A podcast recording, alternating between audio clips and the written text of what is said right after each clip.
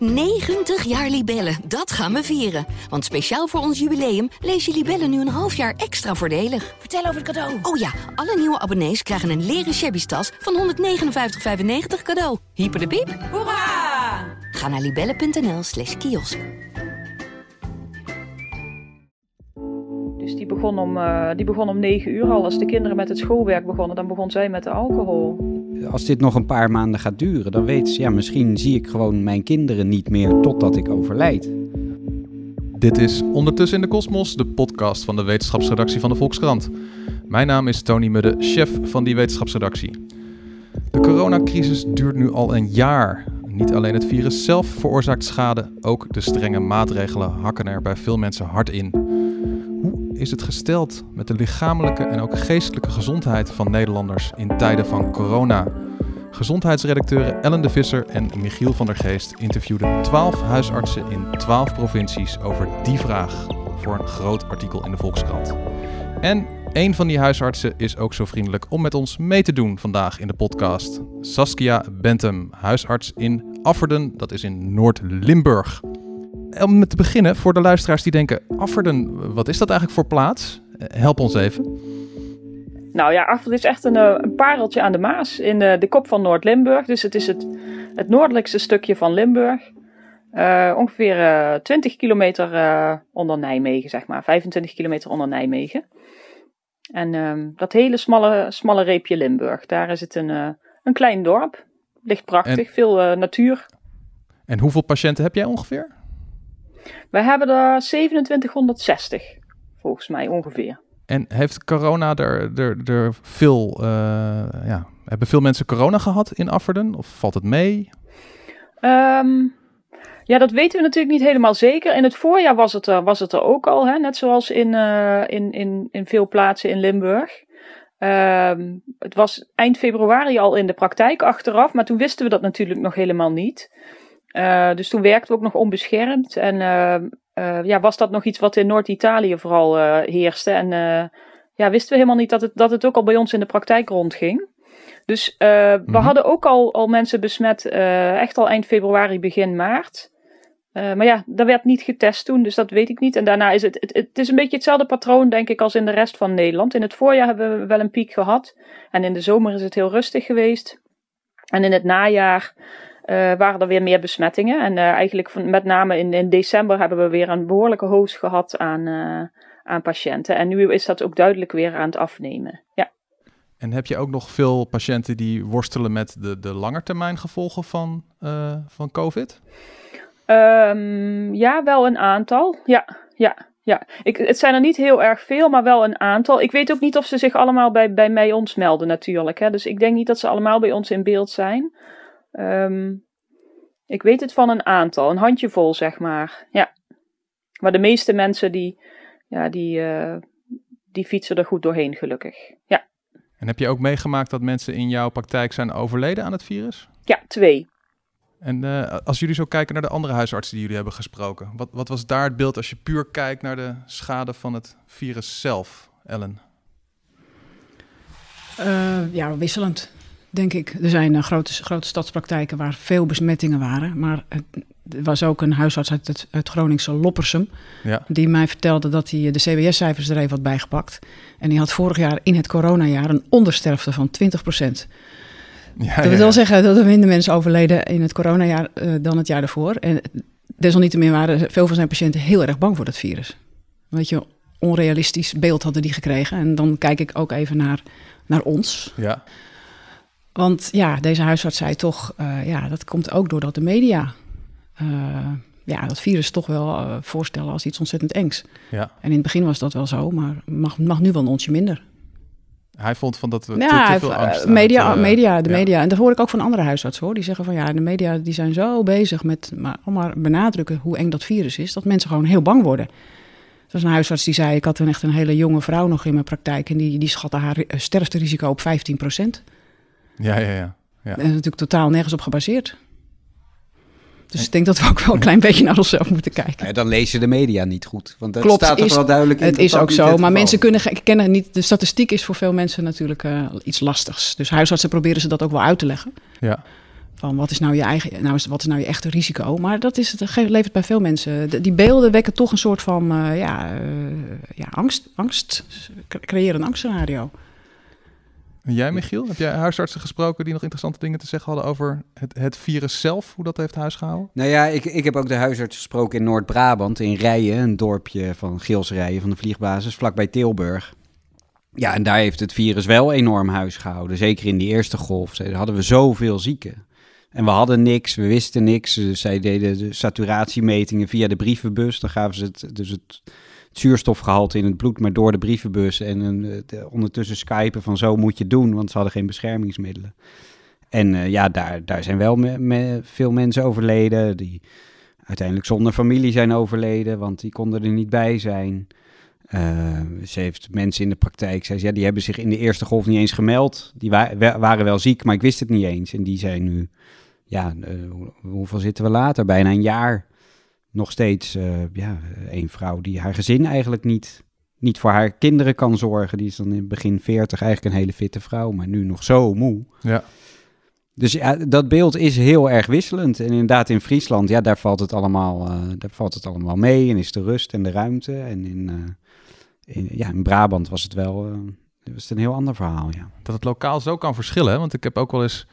Ja, ik, moet, ik moet denken aan een gesprek dat ik ooit had met een, met een weerman. Die had het dan over het, over het onweer. En dat hij dan eh, zei van nou, hier heeft het onweer enorm toegeslagen. Enorme schade in de kassen. En dan zeiden ze 50 kilometer op. Nou, niks gemerkt. Nergens last van. Ja. En dat heb je dus eigenlijk ook met corona door het land. Dat het in, op de ene plek enorm huishoudt. En op de andere plek, ja, Ja. gaat eigenlijk wel. Ja. Hoor jij dat ook van eh, artsen om je heen, eh, Saskia? Dat het gewoon zo enorm kan verschillen van plek tot plek en bijna van maand tot maand hoe hard het virus nou toeslaat? Nou ja, van maand tot maand natuurlijk wel. Hè. Je ziet echt wel spikes en eh, dan zie je dat het gewoon even rondgaat. Dat, dat hadden wij dus ook wel echt in december. Ehm, en qua regio denk ik dat het een beetje hetzelfde beloop heeft. Waarbij je wel ook gewoon ziet dat soms van echt even van die hotspots zijn. Hè? Even van die plekken waar, waar even heel veel besmettingen zijn. We hebben ook zitten kijken naar een verband tussen carnaval en eh, in het voorjaar. Of dat... eh, ik denk dat het in het voorjaar in ons dorp best meeviel, maar ik weet niet of jullie dat nog kunnen herinneren, vast niet, als jullie geen carnavalsvierders zijn. Maar de carnavalszondag was er storm. Toen is de op- optocht afgeblazen in het dorp. Ja, dat klopt. Ja, dat weet ik nog wel. Ja. En als die, niet, als die niet afgeblazen zou zijn, dan had eh, zeg maar de helft van het dorp in, in onze piepkleine dorpskroeg gestaan met z'n allen. Terwijl er wel corona was. Dus we, dat Ja, heeft ja. misschien toch wel ook wel invloed gehad. Ik, ik heb het nooit onderzocht, maar het zou interessant zijn of die hotspots ook samenhingen met grote activiteiten. Want natuurlijk, kijk, dat het in Brabant en Limburg zo huisgehouden heeft in het voorjaar, heeft natuurlijk ook echt met carnaval te maken gehad. Het was een soort superspreading events. Waar, dat is overigens al jaren zo. Hè. Alle verloven zijn ingetrokken bij ons altijd de eerste weken na carnaval. Want de twee weken na carnaval zijn de drukste, de drukste weken van het jaar. Dat is, al, dat is al sinds eeuwigheid zo. Na carnaval is altijd iedereen ziek. Die hebben allemaal eh, aangeschoten in overvolle kroegen gestaan met slechte ventilatie en, eh, en het allemaal reuze gezellig gehad. Dus dan, dan, dat is dan normaal de influenza. Dan liggen ze altijd met de benen buiten boord bij ons. ja, ja, hoor. ja, ja. Ehm, dus dat is, eh, dat, is niet, dat is niet ongebruikelijk. Maar ehm, ja, ik vraag me af, dat soort dingen denk ik dat zeker in het voorjaar ook wel meegespeeld hebben. Hè? En dat die wel terug te voeren zijn op, eh, op toen nog eh, events met heel veel mensen bij elkaar. En Saskia, en als je kijkt naar eh, niet het virus zelf, maar de maatregelen. Eh, Mhm. In hoeverre hebben jouw patiënten daar last van? Wat merk je daarvan? Ehm, ja, ik vind, dat, ik vind dat we daar toch wel veel van merken, ja. ja. Eh, begin van, van het jaar, vorig jaar zeg maar, kwam er opeens een lockdown. Toen was het akelig stil. Ik, ik kreeg daar echt heel erg de kriebels van. Ik vond dat heel eng. Want ik dacht, als ze maar bellen als er echt iets is. Mhm. Eh, lege spreekuren, de telefoon die bijna niet ging. Ik vond het heel onheimisch. Ehm, ik vond dat niet fijn. Ergens dacht je, oh lekker rustig, kan ik eens wat achterstallig werk doen. Maar ik heb daar niet van kunnen, ik heb daar niet van kunnen genieten. Ehm, en dat is in de zomer wel weer wat meer op gang gekomen. En, eh, en ja, het is eigenlijk eh, de, de, de angst die Ellen schetst, herken ik heel erg. Mensen waren echt vreselijk bang. Ehm, mensen zeiden dat het ook durfden eigenlijk niet naar de praktijk te komen. Ook als ze zelf ehm, helemaal geen luchtwegklachten hadden of zo. Hè? Maar dat de verdenking was dat ze misschien iets gebroken hadden of zo. Dat ze het heel eng vonden om te komen. Of dat mensen heel erg bang waren dat wij echt verzopen in het werk. Dus dat ze, uh, ja, dat ze schroom hadden om, om, om ons te bellen. Want, want de dokters zullen het wel zo druk hebben met de corona. Ja. Um, en dat is natuurlijk ook wat je nu toch wel terugziet in de getallen. Hè? Gisteren nog dat we nog duizenden en duizenden kankerdiagnoses achterlopen. Um, dat komt natuurlijk ook door, door uh, het stopzetten van, uh, van bevolkingsonderzoeken. Hè? Dus voor darmkanker en voor borstkanker en, en de uitstrijkjes. Dat is, ja, dat, is, dat is allemaal geparkeerd geweest. Um, en ook omdat er toch meer drempel zat, denk ik, voor mensen om, om te komen. Maar ook gewoon veel angst, heel veel angst. Mensen die echt, uh, echt tegen de muur omhoog vlogen van de paniek in het begin. Dat was dat zeker zo. Dat, dat werd daarna wel wat beter. Maar ja, nog steeds. Mensen die dan echt binnenkomen en je deurknoppen nauwelijks aandurven te raken. Met de ellebogen de deuren open doen. Echt, uh, uh, mensen die echt. Ja, ik, ik heb echt letterlijk mensen in de praktijk die gewoon al een jaar niet buiten zijn geweest. Die hun, hun kleinkinderen al een jaar niet, niet hebben gezien, alleen maar achter glas. Die een jaar niet in een winkel zijn geweest. En wat zeg je uh, tegen dat soort mensen? Ja, wat Ellen ook al zei, ik probeer, ik, probeer het een beetje te, te, te, relativeren en gerust te stellen. Dat zijn soms mensen met onderliggend lijden, maar dat zijn ook, hè, dus onderliggend lijden wat dan een risico geeft bijvoorbeeld op een ernstig coronabeloop. Maar soms zijn het ook mensen met onderliggend lijden in de zin dat het bijvoorbeeld al mensen zijn met, met een angststoornis bijvoorbeeld. Of met hypochondrie bijvoorbeeld, hè, wat eigenlijk ook een vorm van angststoornis is.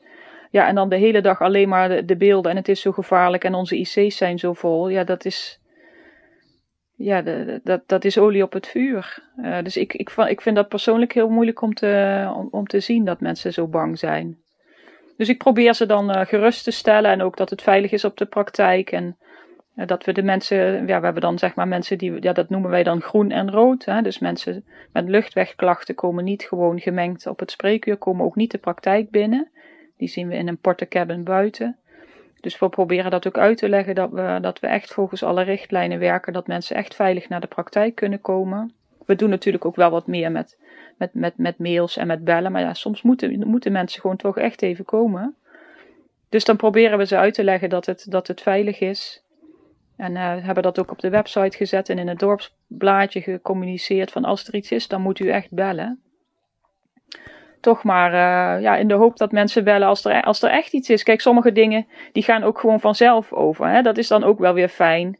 Als mensen normaal gesproken met een tennisarm komen, ja, ja die zijn er welkom op het spreekuur. Maar ik kan niet zoveel voor die mensen betekenen, want een tennisarm gaat vanzelf weer over zonder dat dat complicaties geeft. Dus dat waren dan de mensen die nou dachten, nou weet je, ik heb wel pijn aan mijn elleboog, maar ik wacht maar eens even af. En dan ging het vanzelf over en dan kwamen ze niet. Dus dat is, dat is, ja, ja. Hè, dus dat is ook wel weer een wijze les misschien soms. Van, uh, oh ja, ik hoef niet altijd naar de dokter en soms gaat iets vanzelf over. Dus dat is prima. Maar je weet, je weet ook gewoon dat er mensen niet naar je spreker zijn gekomen die wel hadden moeten komen. Dat, ja. heb, je, heb jij zelf ook zo iemand gezien dat je dacht zo van, oh mijn god, was gewoon drie maanden eerder gekomen? Ja, ja, ook wel. Ja, zeker wel. Ja, ja, ja ook wel. Um, ik heb laatst nog iemand gezien die dan toch weer uh, een drempel had om te komen. Ik weet niet of dat iets aan de uitkomst veranderd had hoor, maar die had een drempel om, die had toch een drempel om te komen. Die had al een aantal weken ernstige klachten. Ja, die heb ik echt met spoed moeten insturen en die bleek een uitgezaaide kanker te hebben. En dan had die paar weken denk ik niks uitgemaakt op de uitkomst hoor. Maar dat is wel, ik vind het wel erg dat daar een drempel zit. Ik, ik, ik wil juist dat er eigenlijk geen drempel zit. Dat mensen ons altijd kunnen bellen als er iets is. Ja. En Ellen, bij de huisartsen die jij hebt gesproken, als je kijkt naar wat de maatregelen doen, wat die voor schade, schade aanrichten. Ja, je bedoelt, dan bedoel jij de lockdown? Ja, precies. Ja. ja dus niet het virus zelf per ja. se, maar gewoon de lockdown, de angst. Nou, Michiel en ik hebben toen we onze huisarts hadden gesproken, even zeg maar overlegd. Ja. En we zagen wel heel duidelijk een patroon van wat, wat de gevolgen bij, bij de patiënten zijn van die lockdown. dus we hebben gewoon een soort categorieën kunnen maken: mentale problemen, uh, heel veel eenzaamheid, problemen in de terminale zorg. En, en, en de angst voor het virus zelf, waar we het net al over gehad hebben. Mm -hmm. Dus ja, die eerste drie, die zagen we wel. Bij alle drie, de, bij alle twaalf huisartsen zagen we die terugkomen. Ja. Mentale problemen, nou ja, daar kan Michiel misschien uh, veel over vertellen. Jouw huisartsen hadden, hadden daar heel veel uh, verhalen over. Ja, nou een paar, eigenlijk drie begonnen gewoon uit zichzelf. Die zeiden, ja, eigenlijk het meeste te doen heb ik met de pubers. Normaal zien huisartsen, ze, zien wij niet zo vaak een puber, weet je wel. De, over het algemeen zijn ze jong en gezond en uh, nou, af en toe is er iets, nu iets. Maar ja, sommigen zeggen ja, gewoon twee per spreekuur die... Uh, ja, hoe iemand beschreef het, of ja, normaal hebben pubers altijd een soort afwerende bravoure over zich. En dan moet je daar met, met een grapje een beetje doorheen breken. Of even ze, hè, laten Zo zien. van, ik red het wel, ja. Ja, en, en, en zeggen, hè, je kunt mij alles vertellen, want dat is voor ons allebei het beste. En dan gaan ze wel iets zeggen, maar nu uh, zij, ja, ze zitten apathisch verloren in hun stoel. Ze vechten tegen de tranen. Ze hebben slaapproblemen, eetproblemen. Ze, ze zitten er gewoon helemaal doorheen. Omdat ja. de, de, vooral toch de structuur van een school, die zo belangrijk is van een dagelijks leven, van de sportvereniging, van alles valt weg. Ze zitten, uh, ja, en dan de, de, de, al wat tobberende, tobbende uh, pubers die dan dat zo missen en nu eigenlijk niet zo goed weten wat ze met hun leven aan moeten. Uh, ja, dat, dat raakte die huisartsen toch wel. De, dus het zijn die pubers, het zijn ook werkende ouders die ja, nu constant thuis zitten met kinderen ja. om hen heen. Uh, die slaapproblemen hebben. Het, het, het, loopt hun over de schoenen. Het wordt ja. gewoon te veel. En die, die geestelijke problematiek, uh, ja. ja, dat, dat komt wel vaak voor, heb ik. Uh... Ja, ik had een huisarts die zei, dan komen ze voor een, uh, nou ja, een plekje op hun rug of een ingegroeide teennagel. En dan na een halve seconde, dan gaat het hierover. Ze staan, zei ze zelfs tegen me, soms huilend bij mij, thuis aan de deur. Bij, Zo, bij de huisarts ja, thuis? Ja, thuis en in de praktijk, huilend, zei ze. Dus dat wil wel zeggen dat de rek eruit is, inderdaad. Ja. Ja. ja, dat ken ik ook hoor. Als ik even mag uh, aanvullen. Ja. Zeker, zeker. Ja, nee, ook de, de, de jongeren inderdaad die, uh, die je ziet. Ik, ik vraag er ook extra nou ook inderdaad als ze voor de ingegroeide teennagel zitten. Van, joh, hoe is het nou? En er zijn de jongeren die het hartstikke goed doen hoor. Maar, en die het alleen maar saai vinden. Nou denk ik, nou ja, dat, dat, dat, dat, dat is nog wel overkomelijk vind ik als het saai is. Maar ook wel echt wel, dan is het niet meer saai, maar dan wordt het somber. Of dan wordt het echt uh, paniek, paniekaanvallen of depressiviteit of suicidaliteit. Dat... Dat is zo'n glijdend spectrum. Uh, en dat schuift steeds meer, uh, schuift, steeds meer de verkeerde kant op, vind ik. Ja. Het is ook een beetje uitzichtloos. Hè? Het wordt elke keer maar uitgesteld en nog even volhouden, nog even volhouden. Maar ja, dat, het einde komt maar niet in zicht. En, um, en dat is heel moeilijk, denk ik. En, en ook inderdaad van de, van, de, van de jonge ouders. Ik heb zeer recent nog een, een, een jonge moeder gezien die haar baan kwijt was geraakt. Uh, een jaar geleden, een horecabaan. Nu de hele dag met haar twee kinderen thuis zat en inmiddels op, uh, op 12 eenheden alcohol per dag, per dag zat op de werkdagen. Oeh, ja. Dus die begon, om, die begon om 9 uur al. Als de kinderen met het schoolwerk begonnen, dan begon zij met de alcohol. Ja, ja en dat, de, ja, dan mis je natuurlijk gewoon aan alle kanten ook gewoon die structuur. Ja, ze zei, ik word helemaal gek. Ik word helemaal gek thuis. Dat is wat ze zei. Ik kan nergens meer heen. Ja, die zat al een jaar lang met haar twee kinderen. En, uh, en, en de man was, was wel aan het werk. En uh, ja, ik denk sommige mensen zijn er niet voor in de weg gelegd. En uh, ze zei, dan schiet ik uit mijn slof en ik wil niet, uh, ik wil niet heel kwaad worden op de kinderen. Nou, dan, dan dronk ze er nog maar één. Ja, heftig. Ja. Ja, ik had ook de huisarts uit Lelystad, die, die zei me ook, ja, uh, ik, ik, vraag altijd aan de jongeren van waar haal je nog plezier uit? En als ze dan echt niks meer kunnen bedenken, dan begin ik me zorgen te maken, zeg maar. Dan wordt het, dan wordt het zorgelijk. Dan zeg ik, ja, het is mijn taak als huisarts helemaal niet, maar dan ga ik mijn huiswerk geven. Gewoon een structuur van, oké, okay, dan stuur ik ze naar de fysiotherapeut, hebben ze één keer, in ieder geval één keer per week sport. Ja. En uh, af en toe met mij bellen. En soms bel ik gewoon de mentor op op school. Van, ja. Nou, uh, de, ja, het, is, het, hoort natuurlijk eigenlijk niet bij de huisarts. Het is eigenlijk wel zijn werk. Maar ja, dus ik doe maar wat. Want uh, ik, ik, ik, moet toch iets uh, ze pogen te helpen om een structuur op te bouwen. Ja, want als je als puber... Ik zit gewoon zelf te denken, zeker als je een, net begint aan een nieuwe opleiding of zo. Weet je, je kent zo'n stad niet en dan, en dan zit je daar alleen maar digitaal en je kan niet sporten en je kan niet naar een studentenvereniging. En ja, ik denk wel eens, weet je, ik ben nu uh, 38. Voor mij duurt die pandemie, die duurt tot vanaf mijn 37ste tot uh, nou een beetje mazzel mijn 39ste. Ja. ja, dat zijn toch al loze jaren, weet je wel. Dat maakt niet zoveel uit. Maar als, je, ja, als dit van je 15e tot je 17e... Of ja, ik heb een oppas, die, die is bijna 18 nu.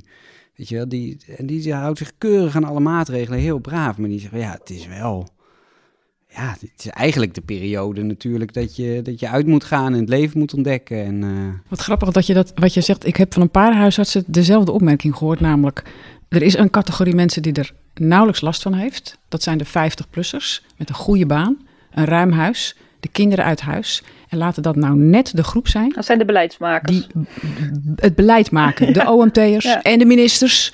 Die zien helemaal niet wat voor effect dit heeft. Een beetje gechargeerd Ja, natuurlijk, dat zien ze wel. Ja. Maar dat is wel opvallend, hè? Ja, ik heb ook het idee dat alle, alle mensen die ik op televisie heb horen zeggen van... eh, ga- Nog even volhouden. nog even Ja. volhouden, Gijs wil thuiswerken. Dat ik denk van, Ja, jij zit op dit moment niet thuis te werken. Nee, jij nee. zit daar ergens voor een vergaderzaaltje mij dit te vertellen. Ja. Ja. Dus nee, dat, dat is waar. Dus je denkt, je, het, het idee dat is degene die dit soort besluiten nemen... niet genoeg de pijn ervan voelen. Nou ja, we hebben het net over mentale problemen gehad. Maar wat denk je van eenzaamheid? We hebben nu de pubers en de, de 30 en 40ers gehad. Maar heel veel oude mensen, jou zei het net al, die zitten soms al een jaar thuis.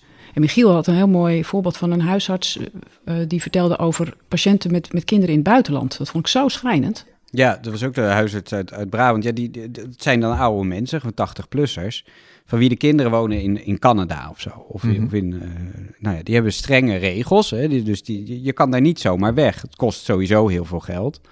Maar je hebt ook heel weinig vakantiedagen. Ehm, die, die, die mensen zitten hier alleen. En die, die, kinderen kunnen niet zomaar terug. Ehm, en ja, ze zegt, ja, ik heb er sommige die, als dit nog een paar maanden gaat duren, dan weten ze, ja, misschien zie ik gewoon mijn kinderen niet meer totdat ik overlijd. Ja. Als je al oud bent en, en, en kwetsbaar en je gezondheid gaat al achteruit. God, je mag natuurlijk hopen dat die mensen nog wel terugkomen voor die tijd, maar het, is wel reëel. En zo heeft ze er meerdere in de praktijk. Of, of eh, weet je, kinderen zijn expats of, of andersom. Ja, dat, Eh, eh, Saskia, zitten we al op een punt dat de, de, de maatregelen meer schade veroorzaken dan het virus zelf, vind jij? Dat is een moeilijke vraag. Ik- ja, een diepe zucht. Ik ben, ja, ik ben al een jaar totaal, eh, de, totaal de weg kwijt, eerlijk gezegd. Ik weet het echt helemaal niet meer. Ik, ik, ik vind wel dat. Ik vind het wel eenzijdig. Ik vind de berichtgeving ook eenzijdig en ik vind het beleid eenzijdig. Het is corona voor en corona na. En ik vind echt dat iedereen met corona goede zorg verdient. Maar ik vind dat iedereen goede zorg verdient. En goede zorg is meer dan een ziekenhuisbed. Ehm, ik, vind het, ik, vind het, ik vind dat jongeren het echt fantastisch doen. Ik vind dat, dat- dan komen die rellen weer en dan komen ze weer slecht in het nieuws. Of dat wordt dan weer, ja, die jongeren, het is tuig. Ik weet niet wat, wat Rutte er dan weer over zegt. Maar ik vind echt de overgrote meerderheid van de jongeren doet het fantastisch. En het is, ik vind het soms, ik vind het soms neigen naar erg eenzijdige solidariteit. Er wordt een enorme solidariteit gevraagd van de jongeren, terwijl, want ze lopen zelf geen risico. Ze lopen zelf, er is nog geen kind overleden ook aan corona het afgelopen jaar. Mhm. Dus er wordt van hen een enorme solidariteit ge- gevraagd naar de kwetsbaren. Maar ik vind dat ze solidariteit ook twee kanten op moet. Net zoals het openen van die scholen. En het zou kunnen zijn dat de besmettingscijfers daardoor misschien een heel klein beetje gaan oplopen. Voor de lockdown was het 1% geloof ik, of 1,5% werd op scholen opgelopen. Ik denk op een gegeven moment misschien moet je dat, dat toch maar voor lief nemen. Net als met buitensporten bijvoorbeeld. Maar dat, Het gaat helemaal ook niet over preventie. Hè? Het gaat helemaal niet. Terwijl eh, iedereen heeft de coronakilootjes eraan zitten. Er zitten oudjes te verpappen in de stoel. Hè? Die doen helemaal niks meer. Die komen niet meer in beweging. Er zijn gelukkig ook mensen in het dorp die zijn heerlijk aan het wandelen. Ik denk dat het heel goed is. Maar over het algemeen denk ik dat er ook grote groepen zijn die echt veel minder bewegen. Kinderen zitten veel meer achter beeldscherm. Dus gezondheid is een breder begrip. In beweging blijven is ook heel goed voor de gezondheid. En je neemt de beweging wel af. maar dan speel ik nu... En je ziet natuurlijk op, op korte termijn zie je daar de effecten niet van. Dat maakt het zo moeilijk. Hè? Als iedereen een paar kilo zwaarder wordt, hoeveel levensjaren gaat dat uiteindelijk kosten? Of hoeveel mensen komen er extra op die IC terecht omdat we allemaal gemiddeld een paar kilo zwaarder zijn geworden? Ja. Hè, want overgewicht, dat weten we, dat is een risicofactor. Maar ik vind het wel eenzijdig. Ik denk dat bewegen is ook hartstikke goed voor zowel de mentale gezondheid als, als de lichamelijke gezondheid. En er is echt zo weinig evidence dat er buiten besmettingen zijn. Ik vraag me af of je dan toch niet creatiever moet kijken dat mensen toch weer buiten kunnen sporten samen. Ehm, maar goed, ik ben blij dat ik niet in het OMT zit, maar. ehm, Nee, maar ik zit te denken, ik speel nu even, als ik voor Rutte en de jongen nu even zou spelen, zou ik zeggen van ja, zodra we ook maar een beetje gaan versoepelen, dan komt die R weer boven de 1. En daar heb je echt al die kleine beetjes voor nodig. Want als die R weer boven de 1 komt, dan zit je binnen de kortste keren zit je weer met, eh, met overstromende ziekenhuizen. En dan, dan zitten we weer dieper in de ellende. Dat is elke keer het tegenargument. Ja, en, en ik snap dat argument ook. Ik hoor dat argument ook. Maar weet je, dan gaat het elke keer over code zwart en over, over triage. Maar we triageren natuurlijk al een jaar. Hè? Het gaat dan over Mhm. triage. Als het over code zwart gaat, gaat het over triageren voor de IC. Maar we triageren nu ook. We triageren nu door reguliere zorg uit te stellen. Of door bijvoorbeeld bevolkingsonderzoeken uit te stellen. Dat is ook triage. Dan kies je ervoor dat het Ja. een belangrijker is dan het ander. Dus dat is wel. Daar moet je heel goed over nadenken, denk ik. Want je weet ook dat het uitstellen van bevolkingsonderzoeken gaat ook levens kosten. Niet nu, maar wel op de lange termijn gaat dat ook veel levens kosten. Dus dat zijn verschrikkelijk lastige, verschrikkelijk lastige afwegingen. Ik wil me er alleen maar hard Maar voor maken dat Ja. er ook andere kwetsbare groepen zijn en dat we die niet uit het oog moeten verliezen. En die zijn misschien niet kwetsbaar op het ontwikkelen van een ernstig coronabeeld, maar wel om op andere manieren eh, ernstige gezondheidsschade op te lopen. En hoe denken de andere huisartsen over, die jullie gesproken hebben voor jullie artikelen? Is, is het, eh, Ja, zijn de maatregelen nu al, richten die meer schade aan dan het virus zelf? Nou, ik denk dat niemand dat zo hard durft, kan en wil zeggen. Omdat het ook, het, het is, er is niet een oplossing, zeg maar. Dat is het grote probleem. Zoals eh, de, de huisarts uit Apeldoorn uitlegt. Ja, als je dus, nou ja, wat, wat Saskia eigenlijk ook zegt. Als je nu de maatregelen heel streng doet, dan verlicht dat de druk op de IC. Maar het verhoogt de druk op de, op de psychiatrie, op de geestelijke gezondheidszorg. Wil je die iets verlichten, dan gaat de druk op de IC omhoog. En dat wil je eigenlijk ook niet. Ehm, dus ja, de, arts in Brabant die alles heeft meegemaakt, die zegt: Ja, ik heb het gezien wat er gebeurt als het losgaat. En als je dat laat, toelaat, dan is ook alles dicht. Want dan wordt iedereen ziek, dan gaan de scholen ook niet open. Ja. Ehm, ja, volgens mij is het hele dilemma dat er geen. De, de- Er is geen goede oplossing voor. Nee. Nee. nee. En, maar die balans, ja, daar worstelt iedereen natuurlijk Ja. mee, eh, alle artsen. Want je, je ziet de schade die het virus aanricht en je schiet, ziet de schade die het aanricht als je probeert het virus te voorkomen. Dus ja, Het is een soort catch-22. Het is gewoon, wat je ook doet, er Ja. komt ellende. ja. Ik heb toch wel eens, weet je als je de, als je de tijd zo terugdraait, het helemaal in het begin, toen al die mensen in Wuhan in hun flat gingen zitten en wij dachten zo van, nou ja, zeg, dat is hard, dat doe je mensen toch niet aan. En rare Chinezen. wij met Ja. onze intelligente lockdown doen dat veel vriendelijker en dan mag je nog wel gewoon een rondje lopen. En als ik nu al maandenlang die beelden uit China zie, waar ze gewoon wel weer naar de kroeg kunnen met elkaar en noem maar op, dan denk ik toch van, Hm. hmm, Ja. Hadden we dit niet heel anders moeten aanpakken? Wat, wat, denk jij, Saskia? Ik denk dat je nooit, ik denk dat je nooit wint van een virus. Er zijn al 4 miljard jaar virussen en lang, lang, lang nadat de mensen er niet meer zijn, zullen er nog virussen zijn, denk ik. Ik denk dat het echt een illusie is dat je een virus kunt platslaan met een hamer of wat dan ook. En dat betekent niet dat je er geen invloed op hebt, dat zeg ik niet. Je kunt best met je allen je best doen. Ik denk dat het een totale illusie is. Zeker in zo'n land als Nederland, eh, eh, met buren en een klein land wat afhankelijk is van, van, van, eh, van veel binnen-buitenland verkeer. We zitten niet op een eiland en je krijgt het, het virus er nooit helemaal onder. En als je deze eronder krijgt, dan komt er weer een nieuwe. Dus ik denk dat je echt wel verder moet kijken. Want we hebben nu allerlei Zuid-Afrikaanse en Braziliaanse en weet ik het wat voor varianten. En er zullen nog weer nieuwe varianten komen. En dan komt er weer een keer SARS-CoV-3. Ehm, of een nieuw influenza-type virus. Dat gaat ook weer een keer gebeuren. Dus ik denk dat je wel naar een manier moet vinden hoe iedereen hier zo goed mogelijk doorheen kijkt, komt. En dat je dan ook moet kijken naar eh, eh, een bredere gezondheid. En eh, even even een radicaal voorstel. Ik geloof dat nu zo'n beetje 60% van de IC-capaciteit voor coronapatiënten eh, gereserveerd is. Of nou ja, dat is nu gewoon een feit, dat er 60% eh coronapatiënten zitten op de IC. Als je nu zegt van, ja, eh, we moeten toch ook weer ruimte maken voor die hartoperaties. We doen nog maar 30% voor coronapatiënten. Want we kunnen niet zoveel aandacht geven aan coronapatiënten. Is dat een optie? Ik weet het niet. Dat was ook het voorstel van de intensivisten van de week. Hè? Om, daar toch, om daar Mhm. toch kritischer naar te kijken. Het is natuurlijk wel iets wat wij als huisartsen al veel doen. Hè? Wij zijn gewend om, om, om, om veel gesprekken al te hebben met mensen. Van wil je, wil je nog naar het ziekenhuis? Wil je nog gereanimeerd worden? Wil je nog naar de IC? Dat zijn gesprekken die wij gewend zijn om te voeren. Dat, dat deden we al lang voor de corona. En dat, Uh, dat zullen we ook blijven doen. Ik denk dat, dat Nederland daar echt een koploper in is, dat we dat doen. Hè. Dat, kijk, die beelden in Italië bijvoorbeeld met die overvolle IC's, dat was ook omdat dat niet bespreekbaar is. In Italië kom je als 102-jarige nog op de IC, ook al is de kans dat je daar op een, goede manier doorheen rolt kleiner dan een procent. Mhm. um, en dat beleid hadden wij in Nederland niet. Um, en uh, ik, dat, dat, dat, is denk ik ook, dat is denk ik ook goed. Uh, en, ik geloof dat zelfs Gommers had gezegd dat hij zelf niet op de IC wilde liggen. Ik denk als je het aan dokters vraagt, dat een heleboel dokters bedanken om op de IC te, te belanden, eerlijk gezegd. Uh, als je een beetje weet hoe dat daar aan toe gaat. Dus ik denk dat het heel goed is om daarnaar te kijken. Um, ik heb dat stuk natuurlijk ook gelezen van de vier intensivisten, die dat ook zeiden. Ja, je weet dat gemiddeld iemand een aantal weken met corona op een bed ligt. En dat iemand soms een levensreddende hartoperatie nodig heeft en daar maar één dag ligt. Hè. Dat zijn natuurlijk ontzettend. En als je dat bed dus blokkeert, ja. kan er of drie weken één coronapatiënt liggen, of, of, of, of vijftien mensen na een hartoperatie. Ja, het. Ik ben blij dat ik er niet over ga. Maar dat is wel, ik denk dat het heel goed is dat het, dat het hier wel over gaat. En ik, ik weet eigenlijk helemaal niet hoe dat gaat. En niet alleen de dokters, maar ook mensen thuis aan de keukentafel. Wat wil ik nou? Wat is belangrijk in mijn leven?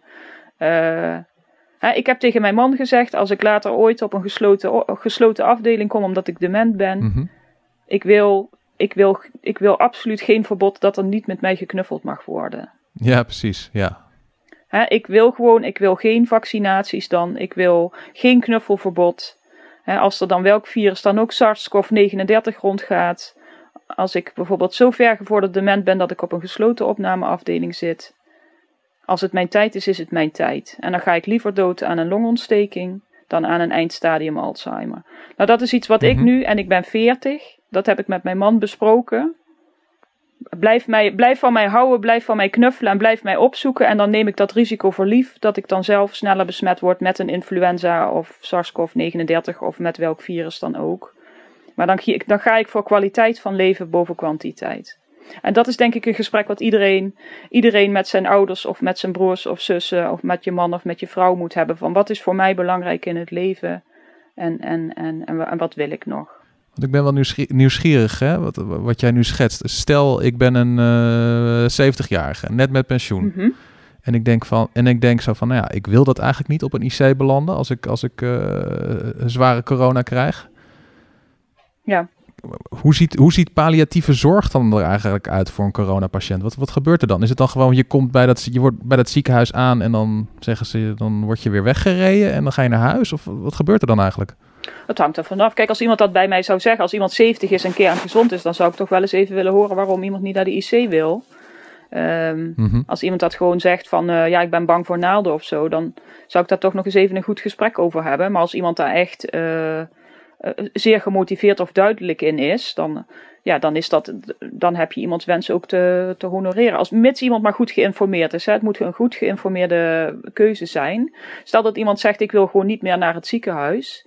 Ehm, Hè, want dat is dan soms ook. Hè, sommige mensen willen dan ook niet meer naar het ziekenhuis, die willen thuis komen te overlijden. Nou, die mensen hebben natuurlijk ook, nou, dan kun je afspreken. We doen alles wat we kunnen om het je thuis zo comfortabel mogelijk te maken. We hebben veel meer mogelijkheden nu. Hè. We kunnen mensen thuis zuurstof geven, thuis medicatie geven.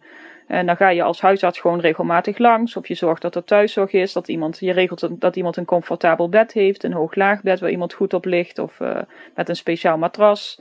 Ehm, ja, dan gaat het om. eh, dan, gaat, dan ga je kijken hoe het thuis gaat. Kijk, en de meeste mensen gaan natuurlijk niet dood. En zeker een vitale 70, 71-jarige gaat, eh, gaat over het algemeen niet snel dood aan corona. Dus eh, En de mensen die wel doodgaan aan corona, is dat omdat ze stikken? Ik zeg het maar even heel plastisch. Of wat, wat gebeurt er dan eigenlijk?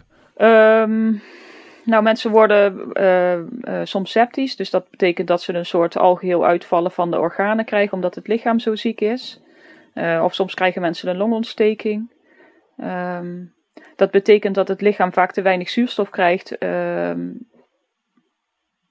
ja, dat wisselt een beetje over of mensen nog heel goed bij zijn of niet. Hè. Vroeger, de, de, de, de ouderwetse longontsteking, dat heet in de, in, de, in de medische wereld, noemden ze een old man's best friend. Hè, de oude mans beste vriend. Ehm, Mhm.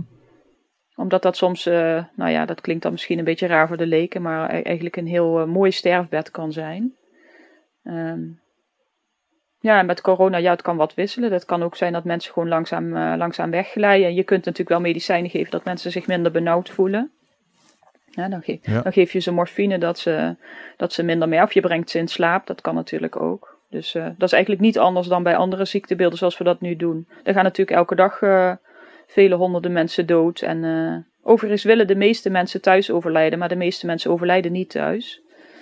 Maar ook als, als huisartsen zijn we natuurlijk vaak betrokken bij, bij sterfbedden, om, om wat voor reden dan ook. En dat, dat is altijd ingesteld om het mensen zo comfortabel mogelijk te maken. En je hoopt dan dat er familie bij is en dat mensen in hun eigen vertrouwde omgeving zijn. En eh, Ellen en Michiel, hoorden jullie dat ook van eh, andere huisartsen? Dat je dus eigenlijk vaker met je gezin, met je ouders moet overleggen. Zo van, oké, als dit je gebeurt, wat wil je, wat wil je dan eigenlijk nog? Niet in deze Nee. gespreksronde, nee. Nee, ik heb in eh, juni denk ik wel een verhaal gemaakt over hoe huisartsen met oudere patiënten omgaan. Nou, nog eerder denk ik in, tijdens de eerste golf. Van, Mhm. hè, dat veel huisartsen, eh, patiënten, hun kwetsbare patiënten, die hebben ze natuurlijk allemaal in beeld. Dus ze weten precies eh, wie kwetsbaar zijn en oud. En dat, wel gesprekken voeren van wat wilt u eigenlijk? Hè? Mocht, mocht u besmet raken, wilt u nog naar de IC? Wilt u... Ehm, en, maar nu heb ik dat, nee, heb ik daar Hebben we ook niet naar gevraagd, denk ik. Nee, heb ik ook niet Nee. naar gevraagd. Want ik had zelf een keer, dat was al, al een paar maanden geleden, een interview met hoogleraar eh, Ira Helsloot, besturen van veiligheid. En die zei toen zo van ja, als er een, eh, als er een vliegramp eh, is, dan wordt er gewoon veel hardere triage gedaan. Van oké, wie gaat het nog wel redden of niet? En we zitten nu gewoon al een jaar lang in een soort langgerekte vliegtuigramp. Dus de lat wanneer we mensen nog op het IC gaan opnemen, of wanneer we die nog in het ziekenhuis gaan opnemen, die moet gewoon veel lager. Ehm, hoe, kijk jij er tegenaan, Saskia? Nou, ik denk dat er wel een kern van waarheid zit. Dat de triage natuurlijk al. De triage begint natuurlijk al, al voor de voordeur van het ziekenhuis. Hè. Je hebt in het ziekenhuis een triage van wie gaat er naar de IC. Maar je hebt daarvoor in de huisartsenpraktijk ook al een triage van wie, wie stuur je nog in naar het ziekenhuis of niet.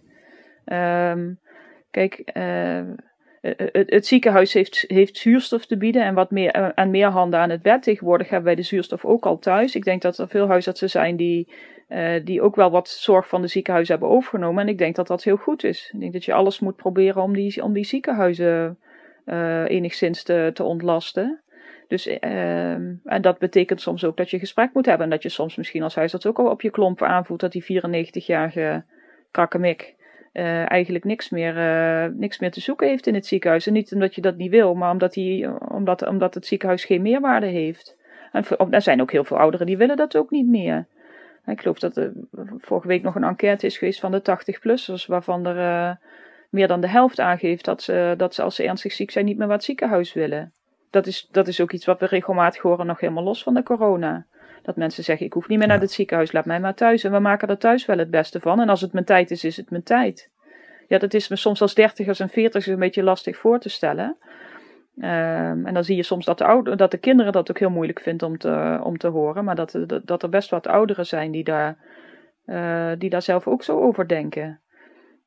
En dus dat is ook, dat is ook iets waar wij als artsen heel erg eh, eh, op voor moeten waken, denk ik. Dat je, en we hebben bijvoorbeeld ook afspraken bijvoorbeeld in de huisartsenpost, als je mensen niet zo goed kent. eh, dat we toch laagdrempelig overleggen met de dokter die iemand goed kent. Hè, er zijn, ik bedoel, je hebt hartstikke vitale 82-plussers die, die, nog heel, die nog heel vitaal zijn en die, die nog heel veel te winnen hebben. En je hebt 82-jarigen die zijn toch een beetje op. En, eh, eh, of dan weet je dat hij eigenlijk dat de rector al een heel eind uit is of dat hij niet meer willen. Dus dat is echt maatwerk, denk ik. En ik denk dat dat, ja, dat, dat heel goed is dat, je daar, dat we daar als artsen oog voor hebben en daar gesprekken over hebben. En eh, ja, we hebben nog niet de gesprekken hoeven voeren van het ziekenhuis is vol en het kan niet. Dat, dat hebben we niet. Dat lijkt me ook erg ingewikkeld. Maar ja, als het zo is, dan is het zo.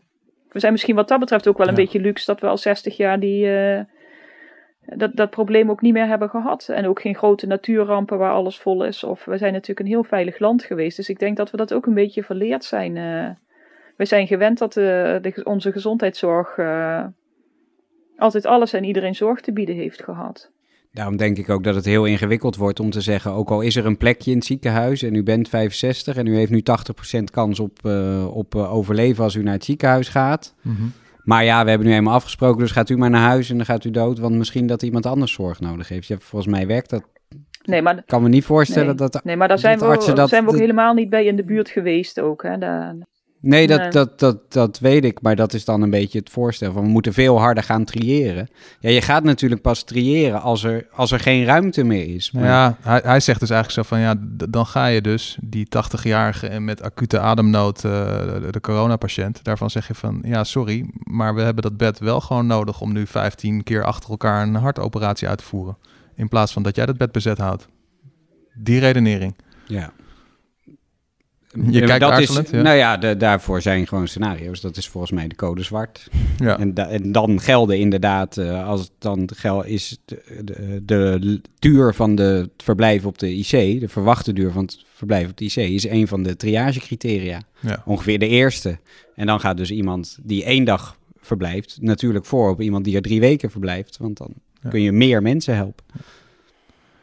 En eh, heeft een van jullie nog een, eh, een huisarts gesproken die een goed idee heeft hoe we hier nou eh, de, ja, de pijn een beetje kunnen verzachten de komende maanden? Of zit iedereen gewoon met de handen in het haar zo van ja, we, we zien gewoon niet een oplossing hiervoor? Nou, ook niet, de- we moeten ook weer niet te negatief zijn. Kijk, er zijn, er zijn ook huisartsen die, zei, die zeggen, "De- natuurlijk zie ik problemen, maar ik zie vooral ook heel veel veerkracht. En ik zie Ja. vooral ook heel veel mensen die het heel goed doen. Mhm. En ik zie mensen die elkaar helpen en die Ja. ontdekken dat het in de omgeving eigenlijk ook heel mooi is en dat je daarvoor niet naar Thailand hoeft te vliegen. Er Ja. wordt wel afgewandeld, hè? De, de honden zijn nog nooit zo fit geweest in Nederland, hè? Ja, eh, Ja. en in, de, ja, dus in Drenthe en Friesland eh, wordt er Ja. inderdaad heel veel afgewandeld. En, eh, Er zijn ook mensen voor wie die lockdown niet slecht is, hè? Daar hadden we het net al over. Ja. Er zijn ook heel veel mensen die opeens ontslagen zijn van allerlei sociale verplichtingen en die dat heel fijn vinden. Ja. ja, En om met een positieve noot te eindigen. Een van jullie huisartsen had toch ook gemeld dat er een babyboom op komst was? Drie, drie van de twaalf. Drie van de twaalf zagen een babyboom. Saskia, had jij niet ook een babyboom of was ik jij weet niet niet een of van de het drie? de babyboom is, maar we hebben wel echt wat meer geboortes gehad ook, ja. Ja, ja we zijn maar een klein praktijkje, dus om dan echt uitspraken te doen. Maar we hebben ook wel wat, we, we zijn een, een vergrijzend dorp, dus we zijn blij met elke baby die er komt. Maar we hadden er ook een heel stel, ja. Dus dat is op zich wel eh, leuk. En er wordt bij ons ook heel veel gewandeld. En er is ook inderdaad bij ons een dorpsinitiatief eh, ontstaan van mensen die elkaar willen helpen. Dus dat is ook echt hartverwarmend om te, om te zien hoor. Dat zijn ook echt mooie dingen hieruit ontstaan. En ook inderdaad mensen die zeggen dat thuiswerken, ik vind het heerlijk. Ik, eh, ik wil niet meer anders. Er zijn ook mensen die helemaal gek van worden. Maar er zijn ook echt mensen die daar wel bij, bij gedijen. En ehm, ja, dus ik, er zijn ook... eh, Ik ben nu voor deze podcast weer eens naar de redactie in Amsterdam gereden. Ik woon in Den Haag. En kwam hier aan. Toen dacht ik, wat, wat heb ik al die jaren in godsnaam gedaan? Wat een wat pokken. En dan ben ik lang onderweg en kan ik helemaal niks doen. Dus je ziet me nooit meer terug, Tony. Oké. Dit was Ondertussen in de Kosmos, de wetenschapspodcast van de Volkskrant. Grote dank aan mijn gasten van vandaag, huisarts Saskia Bentham en gezondheidsredacteuren Ellen de Visser en Michiel van der Geest. Verder dank aan ons podcastteam achter de schermen, Corinne van Duin en Daan Hofstee. Nieuwsgierig naar wat de Volkskrant je nog meer te bieden heeft? Ga naar volkskrant.nl slash lees en daar ontdek je dat je al een abonnement hebt voor... Weet je het Michiel? 50 cent per week. Klopt. Wil je de volgende aflevering van deze podcast niet missen? Abonneer je dan, en dat is geheel gratis, op Ondertussen in de Kosmos op je favoriete podcast-app. Mijn naam is Tony Mudde, chef van de wetenschapsredactie van de Volkskrant. Graag tot een volgende keer.